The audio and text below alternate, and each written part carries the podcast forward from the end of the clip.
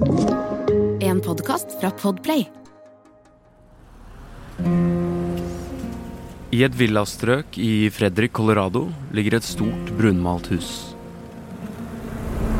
På innsiden finner du et moderne kjøkken med marmordetaljer, beigesmalte vegger og delikate tepper på gulvene. Alt tilhører en av de vellykkede hvite familiene i området. Ekteparet Chris og Shannon Watts. Og døtrene deres Bella på fire og Celeste på tre. I magen til Shannon ligger det også et 15 uker gammelt foster og ruger. Shannon hadde pustet lettet ut da ultralyden viste at det var en gutt. For det har vært en ruskete periode i ekteskapet. Men Shannon håper og tror at det nye barnet vil gi nytt lys og liv til familien.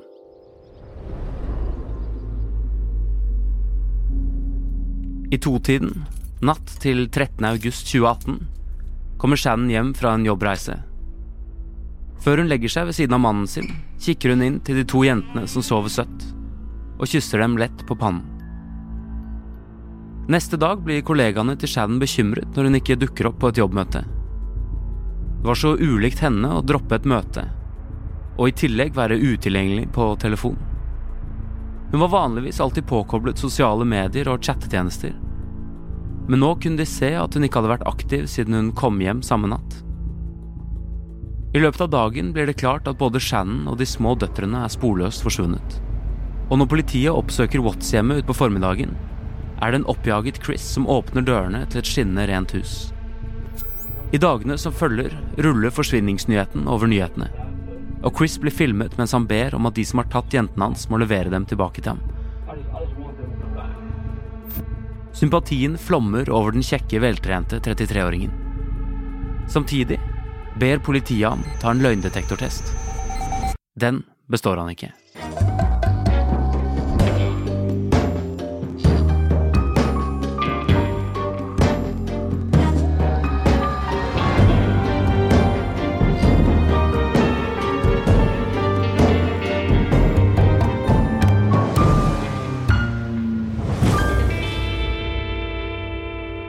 Velkommen til eh, På innsiden av eh, Psycho-hoder.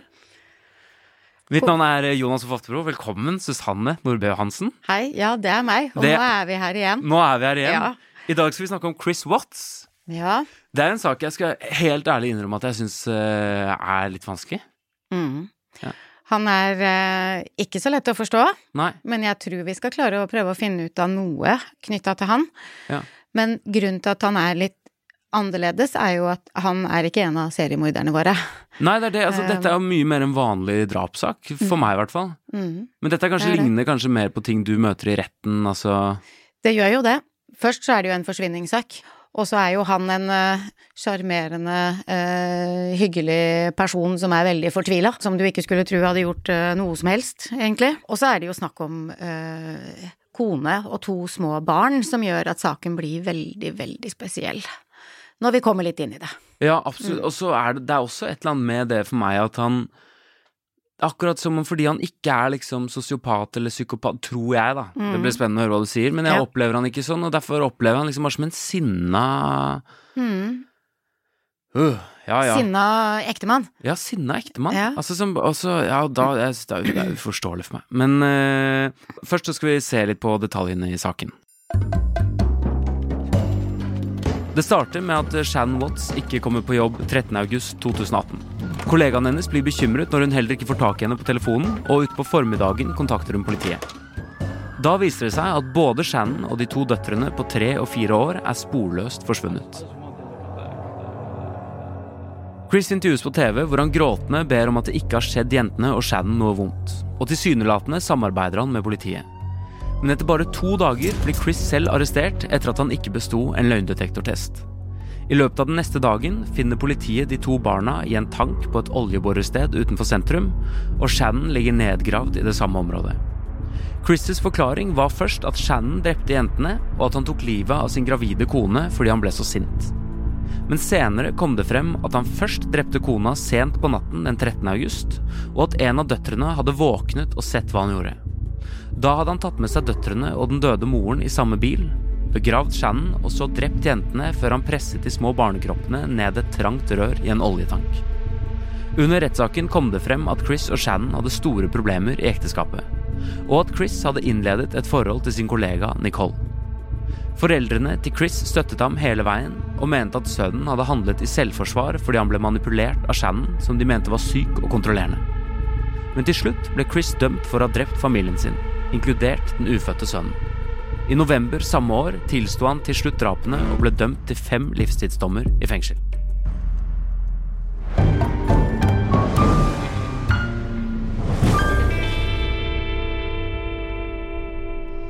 Ok, Hva skjer på innsiden av hodet hans og innenfor husets fire vegger, Ja. som omgivelsene ikke ser? Ja, og hvorfor er han blitt sånn? Altså fordi i de andre sakene vi har hatt, så pleier vi ofte å snakke Eller så har vi snakket om barndom, og vi har snakket om ting som kan ha formet dem veldig tidlig, og Men det ser liksom ikke ut som det i Chris Watts sitt liv er eh, sånne ting. Det virker veldig vellykka, alt sammen, helt fra starten av.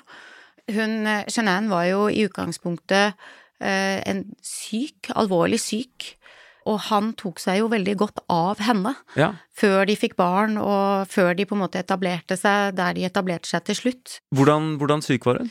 Hun hadde lupus, Ja. som jo er en tarmsykdom, som gjør at du har ganske mye trøbbel med, med næringsopptak. Så hun var jo veldig opptatt av kosthold, og det er jo faktisk et uh, tema her. Dette med uh, kosthold og kostholdsendring, det var jo det hun levde livet sitt på de sosiale mediene, Chenan. Og det var også det hun jobbet med. Ja. Hun jobbet i en sånn livsstilsfirma, hvor Ja. hun solgte en del produkter, som også Chris tok. ja, som han er med å lage videoer for, selv om han mener at det ikke er helt han. står litt i bakgrunnen og er litt distansert, men Ja. i utgangspunktet så syns jeg han virker tilstedeværende. Når du ser på han, så ser du at øynene hans på en måte er med. Ofte så er det jo noe med øynene til folk når de ikke på en måte er helt til stede i situasjonen, men han virker jo som han er med. Men disse foreldrene til, eh, til Chris har jo Ja. sagt at Shanann var veldig kontrollerende. Altså, Det kommer til å komme fram i denne podkasten at jeg er ikke noe særlig fan av Chris Watts, altså. Men Nei, han slår meg jo som en dott.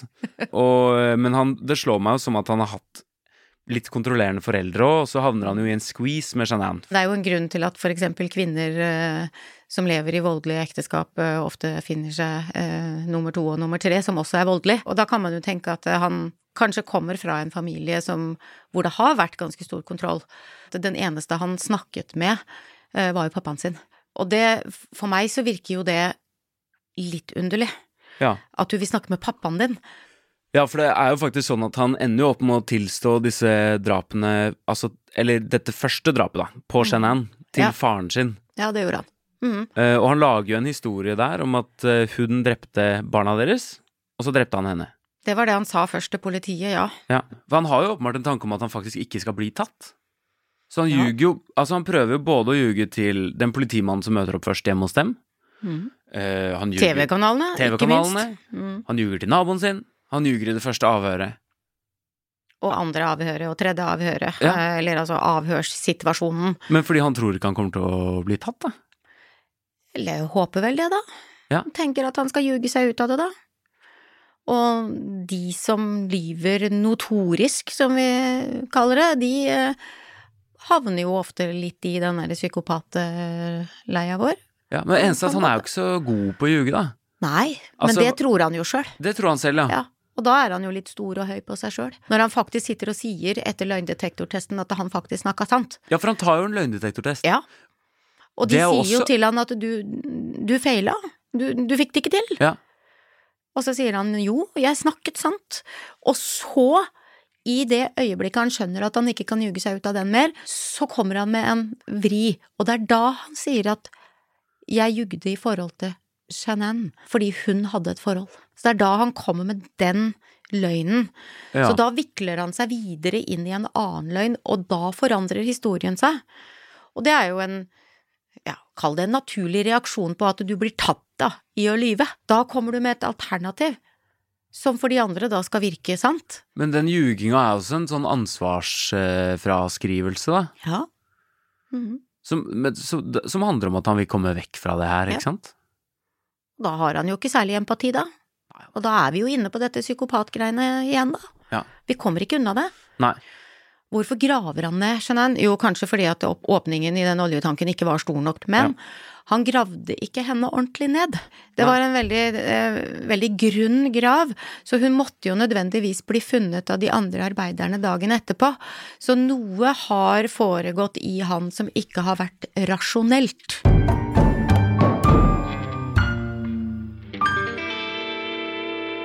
Det med affekt, å drepe i affekt. Mm. Følelsesdrap. Må det da være liksom Betyr det at det, at det er en øyeblikkelig avgjørelse for at det er affekt, eller kan du liksom ha, kan du ha tenkt over det, og så renner det bare over, og så er det i affekt? Hvis det er i affekt, så er det der og da. Da er det impulsivt. Ja. Da er det noe du gjør uh, på bakgrunn av den følelsesmessige reaksjonen du har der og da. Jeg tror ikke helt at uh, Chris Watts sine drap er i affekt, Nei. fordi de skjer over tid. Ja. Altså, hvis han dreper Jeanette i affekt, så syns jeg det er underlig at han også dreper barna. Ja, Fordi at når du da, du kan, eh, et partnerdrap, eh, sånn som det han gjør da, og Mm. kona si, det skjer ofte i affekt. Og da får du utløp for den følelsen når du har drept. Men han gjør jo en bevisst handling i etterkant også. Ja, Hvilken handling tenker du på da? Han tenker igjennom hva han skal gjøre. Han tar henne i bilen, eh, og det kommer jo fram underveis at han egentlig hadde prøvd å drepe barna først. Ja, han har Men jo de våknet, og så ser de hva han gjør. Hmm. Og da tar han de med seg i bilen. Ja. Nei, også i tillegg så beskriver han jo det som at han føler seg helt sånn kald. At han på en måte, han har ikke noe Etter at han har gjort det, så er det på en måte helt sånn Han blir helt kjølig. Men er det noe emosjonelt i han som bare Som låser seg, liksom? Som, som blir borte? Tanken min er jo at når du dreper kona di og, og barna dine, pluss det barnet du da har i magen, da, den eneste måten å håndtere det på i etterkant, er jo å kutte av følelsene. Ellers så blir det for invaderende, altså at du vil kjenne for mye på det, eh, og at du da vil bryte sammen. Men han hadde jo et behov for å være samlet, for å kunne dra hjem og Og late som ingenting? late som ingenting. Det virker ikke, spør du meg, da. Det virker en sånn blanding av gjennomtenkt og ikke gjennomtenkt. Han hadde jo planlagt eh, å flytte ut Ja. sammen med Nicole. Denne kjæresten, eller eh, elskerinnen, som han for øvrig ikke hadde hatt over så veldig lang tid. ja, men altså, for de hadde jo bare vært sammen i fire-fem uker. Så hvor avgjørende kan det ha vært, da? Det var et kortvarig, veldig intenst forhold, og han la på en måte noen vidløftige planer med denne Nicole. Skulle kjøpe leilighet, og barna skulle være med. Nicole ville ha med barna i en ny leilighet, men det var ikke Chris veldig interessert i. Når de pratet om det, da, så var han mer interessert i å fortelle henne på hvilke steder i huset han hadde lyst til å ha sex med henne, ikke om han ville ha med seg barna eller ikke. Så det er derfor jeg tenker at eh, han har hatt i bakhodet at dette her er noe han må kvitte seg med. Han hadde ikke tenkt å ha med seg barna inn i det nye forholdet. Nei. Så derfor så tenker jeg at det må ha vært en form for planlagt, tenkt handling.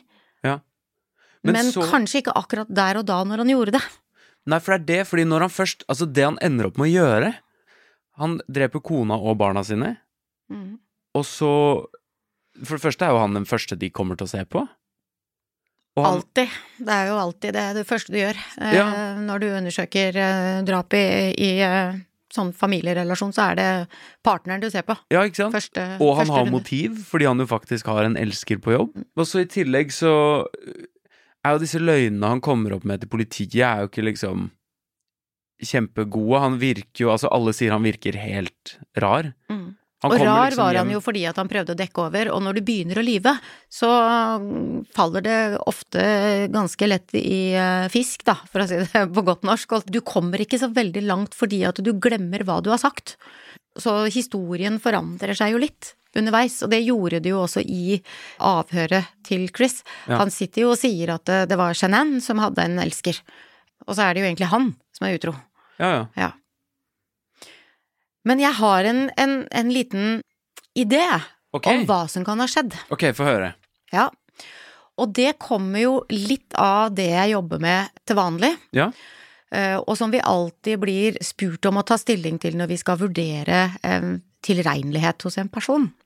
Har denne personen ruset seg, som da kan ha forårsaket en atferdsendring?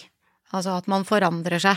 Rett og slett fordi rus og atferdsendring er så tett knyttet opp mot hverandre, da? Ja. Men fordi du endrer kjemien i hodet, da? Ja, eller? fordi at for eksempel amfetamin påvirker sentralnervesystemet ditt, Ja. som gjør at du kan forandre måten du reagerer i forhold til andre mennesker på. Men eh, sitter du på ny informasjon om Chris Nei, Watts? du skjønner det at jeg har sett litt filmer da, eh, Ja. om Chris Watts, og det det er flere filmer. Og i den ene filmen så er det noen små flash av at han tar piller flere ganger om dagen. Og de pillene, det er dette slankemiddelet som Shanann selger, og som har gjort at han har blitt veldig slank og flott og løfter vekter og hun bemerker også at han har forandret seg litt personlighetsmessig, og det er før han innleder forholdet til Nicole. Ja, så tenker du at forandringer kan komme av de slankepillene? Svært mange av disse slankemidlene Ja. kan inneholde stoffer som kan ha amfetaminlignende bindinger kjemisk. Da kan det faktisk være slik at denne mannen har vært påvirket når han faktisk har drept. Det er, altså, det er jo ikke uvanlig at noen forelsker seg i sekretæren på jobben, jeg skal ikke si det, men det er uvanlig at du dreper som følge av at du har forelsket deg og ønsker å starte et nytt liv. Ja. Det er ikke vanlig. Så noe må ha skjedd i hans personlighetsfremtoning. Men har de testet de pillene, da? Altså Vet vi om det er noe i de pillene? Nei, det er jo det som ikke kommer fram i det hele tatt. Og det er derfor jeg tenker at den saken har faktisk ikke blitt ordentlig belyst i retten, i hvert fall ikke det som kommer ut i media. Men ok, nå skal ikke jeg være han kjipe, men hadde det ikke vært utrolig beleilig for Chris Watts hvis han bare kunne skylde på at han eh, har tatt noen sånne piller som I tillegg det er Shenan som jo får han til å ta? Jo. Og i, i Norge så er det sånn at uh, hvis du inntar rus uten at du er klar over det selv, Mm. og faktisk dreper noen, sier vi kanskje at du ikke skal straffes for det. Hvis du har en selvpåført rus, hvis du er klar over at du inntar rusmidler som kan endre deg, så har ikke det noe betydning for straff. Men, men han er vel ikke klar over at han inntar noen Nei, rusmidler som kan endre Nei, det er det jeg tenker. At det kan godt hende at dette middelet har hatt mer i seg enn det han var klar over, og for han så har det påvirket han på en sånn måte at det nesten virker som han har vært i litt amfetaminrus, da. Men vil det si at altså, er det amfetamin som har vært i de pillene, eller kan det ha vært hva som helst? Altså, for det finnes jo masse Det kan jo ikke jeg si noe om, men Nei. jeg mistenker jo det. Jeg tenkte at her er det noe som har skjedd med denne mannen, og da er det den kjemien som Altså, han har drukket masse rart, og han har altså drukket masse sånne midler som det hun hadde, pluss tatt de pillene Ja. for å gå ned i vekt. Ja. Og det er kjent at en del av disse vektreduserende pillene har amfetaminlignende stoff, og det påvirker deg ved at du blir mer oppmerksom, du kan bli mer hyperaktiv, du sover mindre, og når du sover mindre, så kan du også bli irrasjonell. Og han sov veldig lite, Chris Watts, i den perioden hvor han hadde dette forholdet til Nicole, for når han ikke var sammen med henne, så satt han hjemme og så på pornofilm. Jeg tenker at det kan også ha med rus å gjøre, selv om vi ikke vet om det var noe han vanligvis gjorde, men det øker også sexdrive, altså at du, du blir aktivert i systemet ditt på veldig mange områder. Men eh, er det noe som kan skje med alle, da? Altså at du, du tar et rusmiddel over lengre tid, og så endrer kjemien din? Amfetamin er en sånn stoff som påvirker kjemien i hjernen eh, en kort tid. De fører ikke til en kjemisk permanent endring. Men det det kan gjøre, hvis du ruser deg på amfetamin for lenge, så kan det eksempel senke psykoseterskelen din, Ja. sånn at du lettere blir psykotisk neste gang du ruser deg.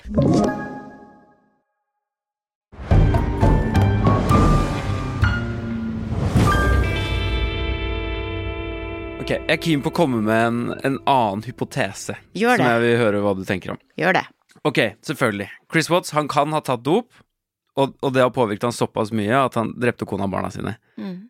Eller her er lekmannteorien. Chris Watts er en fyr som på en måte er blitt litt overkjørt av foreldrene sine. Mm. Og så møter han en kjæreste som også overkjører han, Hun får han til å flytte fra moren og faren sin til en annen stat. Hun tar en jobb samme sted som han, og kollegaene og alle sier at hun jo overkjører han og styrer han på en måte. Og hun deler jo også veldig offentlig livet deres på Facebook.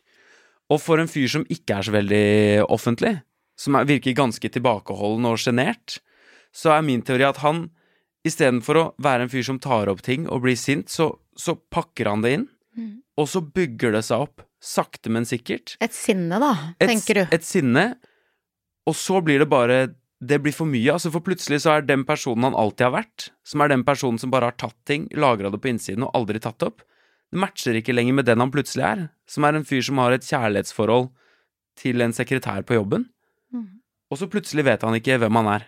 Og så må han løse det her. At han får en litt sånn identitetskrise, da. Hvem Ja. er jeg, og hvor går jeg hen, og hvordan skal jeg løse dette her? Ja, nettopp. Ja.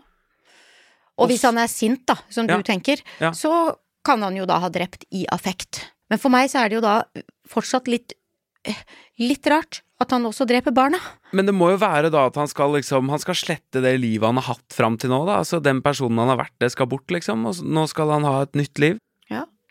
Og da snakker vi jo litt sånn psykopatisk. Det er psykopatisk, Igjen. ja. Altså at vi er på samme som vi har diskutert med disse seriemorderne, men at han også har trekk derfra, da. Men fordi, altså hvis det er fordi han har tatt dop, da, Mm. må han ikke også Altså holder det at han bare har tatt dop? Eller må det ikke være Det må være et eller annet han tenker, det må være et rasjonale bak det han ender opp med å gjøre uansett, på en måte.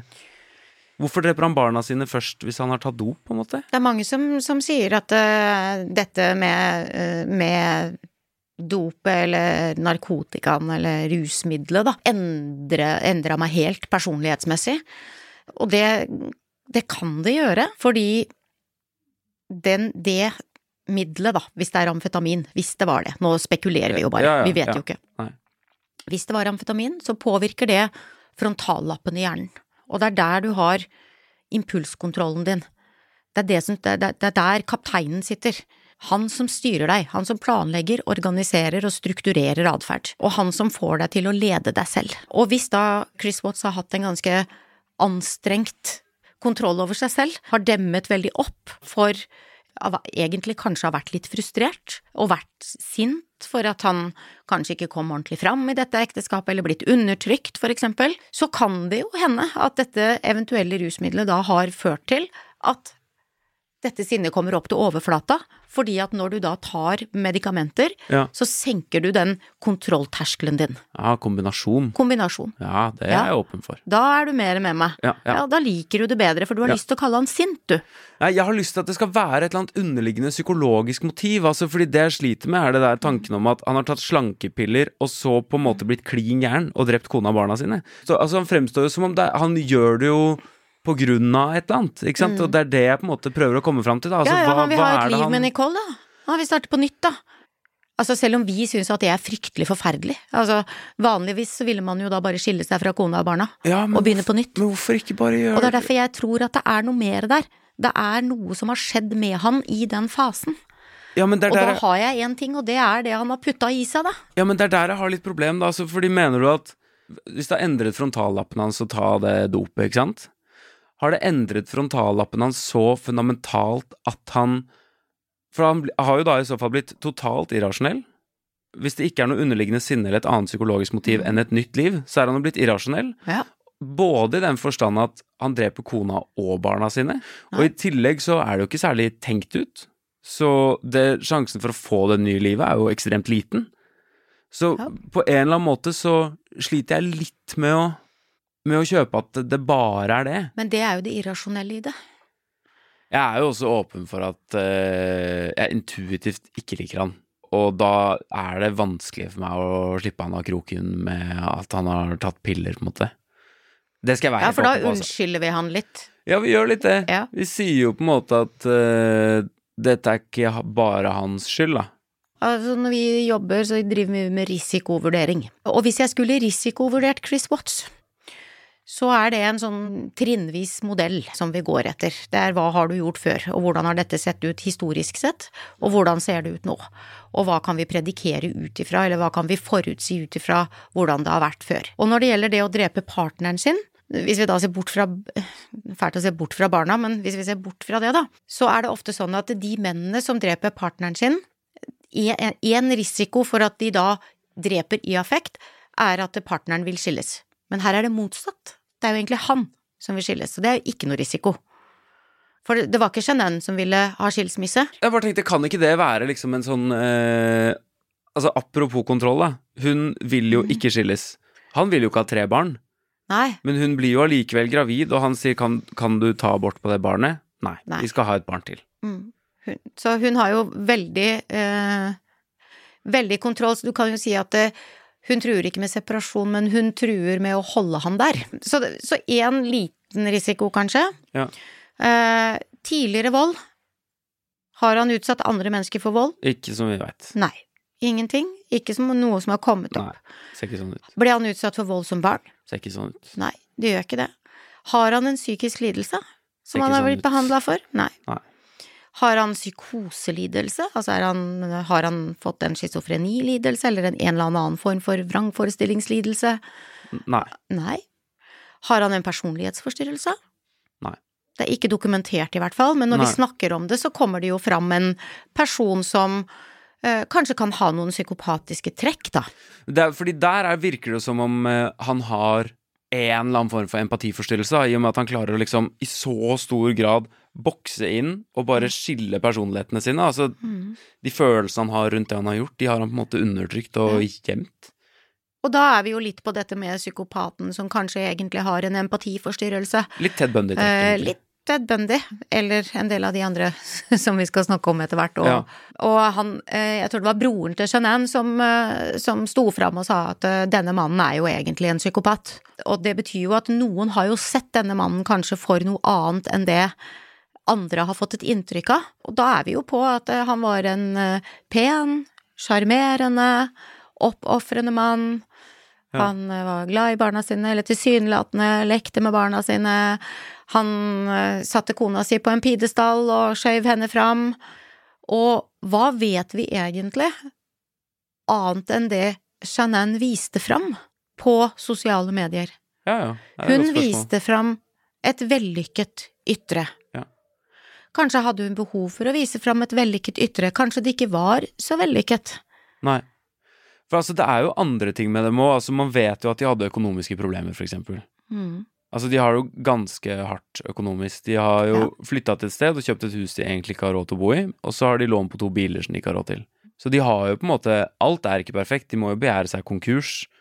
Kanskje er det en medvirkende faktor til at han ville ut av dette, da. Penger og økonomi. Det perfekte ytre sprekker. Nå må jeg finne meg noe annet, så nå løper jeg. Ja. Det er jo veldig irrasjonelt. Og det er veldig ondskapsfullt. Ja, det er det. Ja.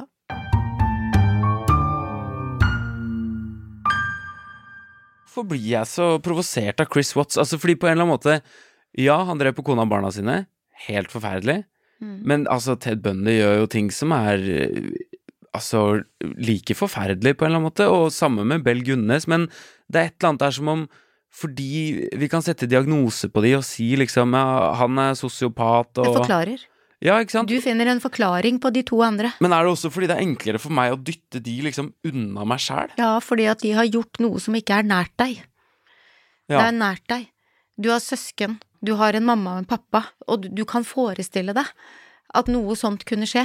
Ja. Da blir det nært, og da, Ja. da tar du større avstand fra det. Og så er du en varm person. Som har, er en omsorgsfull person. Takk, Susanne. Og jo mye omsorg og empati du har, jo verre vil du synes at det er når for- noen gjør sånn mot noen nære. Ja, for jeg skal innrømme at jeg, jeg syns denne saken har vært skikkelig vanskelig å jobbe med. Jeg hadde nesten ikke lyst til å snakke om det, for jeg syns ikke at han fortjener noe særlig oppmerksomhet. Du sa noe om det, at ikke du hadde lyst til å prate om han, for det han er ikke ikke verdt noe. Hadde ikke det. Altså, det, det, altså, det, det slukna helt for meg når han begynte å prate om å kvele de to jentene foran hverandre i den bilen. Da det altså svartna for meg. Men det bringer jo fram at mennesker kan gjøre veldig ondskapsfulle, fæle ting Ja. i Altså, når vi snakker om Ted Bundy, når vi snakker om Belle Gunnes, så har vi et sånt det, det er et forhold som er langt der, der borte fra oss, og det kommer så nær oss når vi snakker om barn. Så jeg, jeg tror at vi, vi har ikke lyst til å tenke på det. Nei. Nei, vi har ikke lyst til å forstå det. Nei. Vi, vi ønsker ikke å forstå det, vi vil bare kaste han i fengsel og si at du er en drittsekk som, eh, som ikke er verdt noen ting. Ja, for det er jo en annen ting. Altså, vi pleier jo på slutten av disse episodene så pleier vi også å spørre spørsmål som er sånn Hva er det man kan kjenne seg igjen i Chris Watts? Ja, du har jo ikke lyst til å kjenne deg igjen i noen Nei. ting her. Og når vi skal gjøre man forarbeid i manus på, til denne episoden, Ja. så altså Da var jeg sånn Det Det går ikke. Nei, jeg tror ikke du ville kjenne deg igjen, og jeg, jeg ville jo ikke kjenne meg igjen, jeg heller. Altså, vi har, vi har nok for mye empati begge to. Til å kunne klare å, å eh, gjøre noe sånt mot de som vi har nært oss, da. Men vi, jeg kan jo, eh, ut ifra den erfaringa jeg har, så, så kan jeg jo se at det er likhetstrekk med en del andre hendelser som Og det er jo derfor jeg tenker på rus, at det har blitt påført noe som på en måte kan forklare litt, da. Mye enklere å si at det er rus inne i bildet som har ført til en atferdsendring, enn at han bare er en psykopat. Men ok, hvis han har litt psykopatiske trekk, han, eh, har han alltid hatt det da, kanskje? Eller er det noe som er utløst?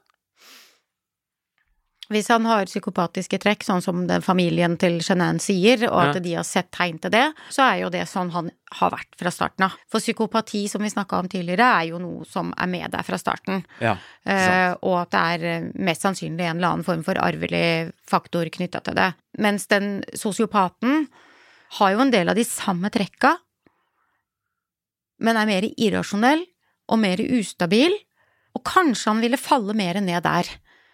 Psykopaten ville jo kunne klare å holde løgnen ved like, og det gjorde jo Ted Bundy, nesten til det siste. Ja, ja. Han holdt jo og holdt jo og holdt jo, han løy seg jo ut av ganske mye. Mens for Chris Watts så faller det jo i fisk etter Ja. ganske kort tid. Så kanskje han er mer den sosiopaten som har de litt psykopatiske trekkene som vi kjenner igjen med, med den empatiforstyrrelsen, og som er impulsiv og gjør irrasjonelle handlinger, og ikke klarer å dekke over det etterpå. ja, ikke sant. Ja. Men hvis vi skal lære noe av liksom den saken her, så er det å aldri ta slankemidler, da, som du på en måte ikke vet hva det hva, hva det er i. En litt annen sak enn det vi er vant til å, vant til å snakke om. Ja. Ja, kanskje ikke ta substanser som du uh, ikke vet hva er. Nei, det er en bra Eh, regel som, generelt, ja. som kan forandre deg, og du ikke vet hva, hvordan det vil påvirke deg. På den annen side så har vi jo lært at uh, det bor ganske mye i uh, selv en tilsynelatende veldig hyggelig familiefar.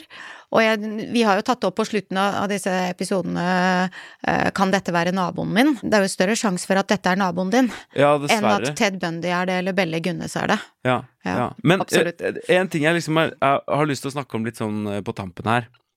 Han endrer jo forklaringen sin i fengsel. Mm. Og så har han jo sluttet å ta disse eh, altså slankepillene når han sitter inne. Og han har funnet Gud. Ja. Kan, ha, altså, kan det være sant? Kan på en måte frontallappen hans ha falt på plass igjen? da? Hvis det, som du sier, hvis Ja. den amfetaminen på en måte midlertidig endrer deg, kan du gå tilbake igjen og Ja, Ja. det kan du jo. Samtidig så er det jo sånn at uh, veldig mange av de som sitter i fengsel for drap, eller seriedrap, Ja. de finner jo Gud, da. Og jeg tror at det er en del av rehabiliteringssystemet uh, i uh, amerikanske fengsler. Og det er ikke det samme i Norge? Kan ikke akkurat si jeg har uh, vært borti det Nei, i, nei. i like stor grad. Nei. Vi driver jo med behandling, eller prøver jo uh, å Ja. drive med behandling uh, som, som ikke, ikke handler om Gud og, og religion. Nei. Vi gjør ikke det. Og vi vet jo ut fra litt hva vi har snakka om tidligere, at det å behandle en psykopat, det farer ofte ikke så veldig godt med seg. Det blir jo ofte bare verre. Ja. Sånn at sannsynligheten for at de blir friske, er svært liten.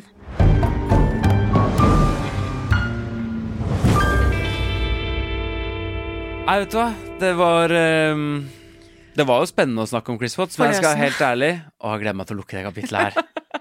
og gå videre.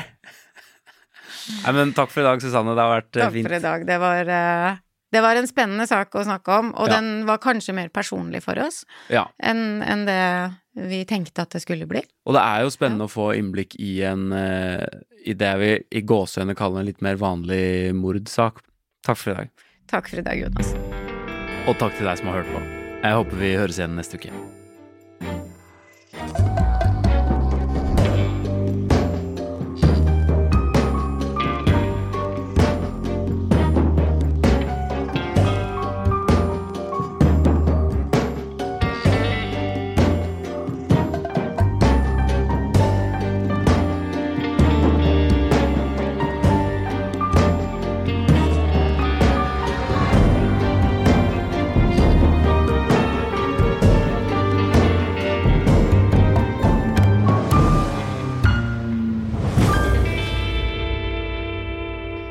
Hørt På innsiden av psykoder. Denne podkasten er produsert av Freemantle Podcast for Podplay og Bauer Media. Programledere er Susanne Johansen og Jonas Oftebro. Produsent er Kjersti Kvam. Og musikk og lyddesign er laget av Espen Rogne. Du har hørt en podkast fra Podplay. En enklere måte å høre podkast på. Last ned appen Podplay, eller se podplay.no.